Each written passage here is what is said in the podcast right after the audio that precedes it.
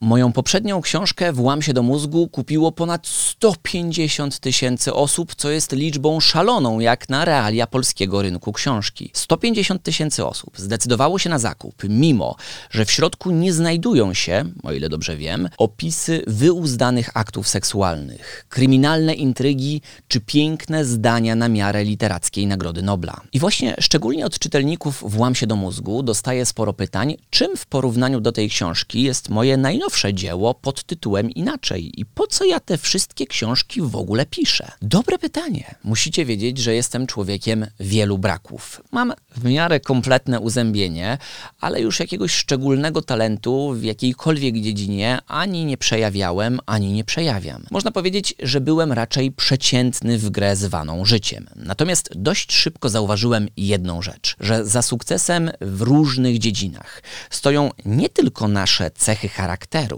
a może często przede wszystkim metody, którymi się posługujemy.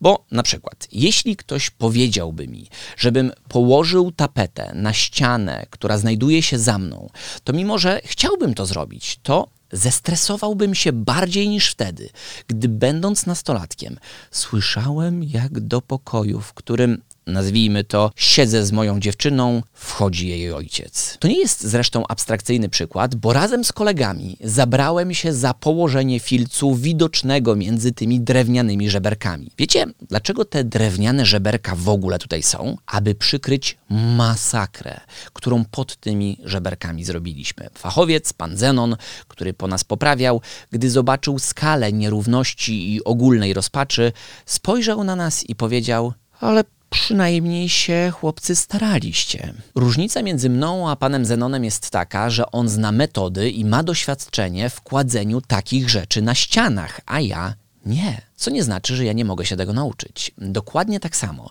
jest w innych dziedzinach naszego życia. Jeśli na przykład nie ogarniamy w tego, w jaki sposób skutecznie uczyć się, czy wykonywać swoją pracę, to powiedzmy sobie wprost, kuleją bardzo poważne obszary. Znacznie poważniejsze niż tapetowanie, bez którego można przeżyć lub po prostu wynająć kogoś do zrobienia tego, do nauczenia się za nas języka obcego, czy wykonywania sprawnie i szybko naszej pracy nikogo innego nie zatrudnimy. Trzeba wziąć sprawy w swoje ręce. Dlatego czując, że sam mam braki, bo ucząc się 11 lat języka niemieckiego, najdłuższe zdanie, jakie umiałem powiedzieć w tym języku to Es tut mir leid, aber ich verstehe nicht. Bardzo mi przykro, ale nic nie rozumiem. Postanowiłem coś z tym zrobić i zebrać w jednym miejscu naukowo sprawdzone metody na lepsze zapamiętywanie przeróżnych informacji, takich chociażby jak słówka w obcym języku. Metody wydały mi się na tyle dobre i przełomowe, że wtedy właśnie postanowiłem postawić przed sobą trudny test i nauczyć się przypadkowo wylosowanego języka obcego w zaledwie pół roku. Udało się.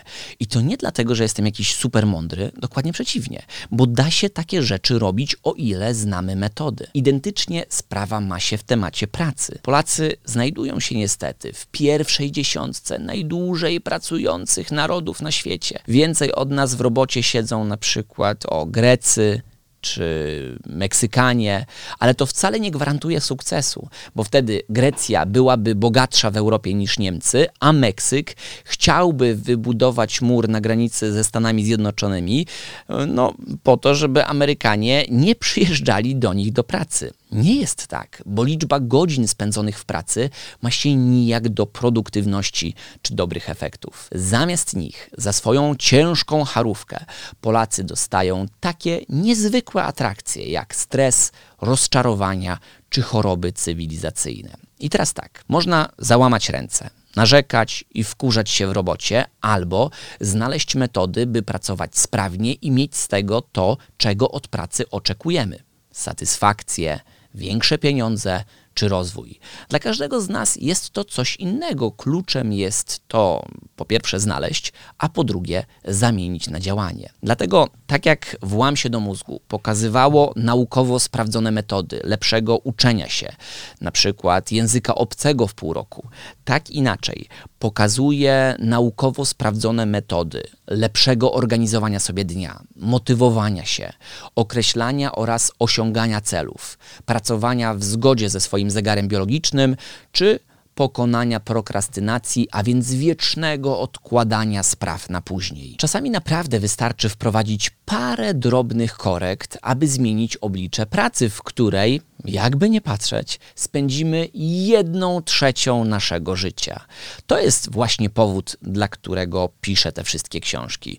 To dla mnie z jednej strony sposób na życie, ale z drugiej także w trakcie ich pisania i przelewania tego wszystkiego na papier uczę się bardzo dużo, bo nikt nas nie uczy w szkole tego, jak dobrze się uczyć, czy tego, jak poradzić sobie z trudnymi zadaniami, które będą stały przed nami w pracy. Jesteśmy zdani na samych siebie lub czasami możemy trafić na porady średniej jakości, które można znaleźć w internecie lub usłyszeć u jakiegoś samozwańczego pseudocoacha. Ja staram się tego wystrzegać, bo dla mnie największą wartość mają zalecenia, które powstały po latach badań i eksperymentów naukowych i to właśnie takie opisuję w moich książkach. Włam się do mózgu można nieustająco kupić na radek.alt.pl, a inaczej na inaczej.alt.pl. Zawsze wygląda to bardzo podobnie. Wkładam w moje książki naprawdę sporo pracy, bo wiem, że mogą być realnie przydatne w ogarnianiu ważnych dziedzin naszego życia. Powodzenia w tej misji, bardzo ważnej misji.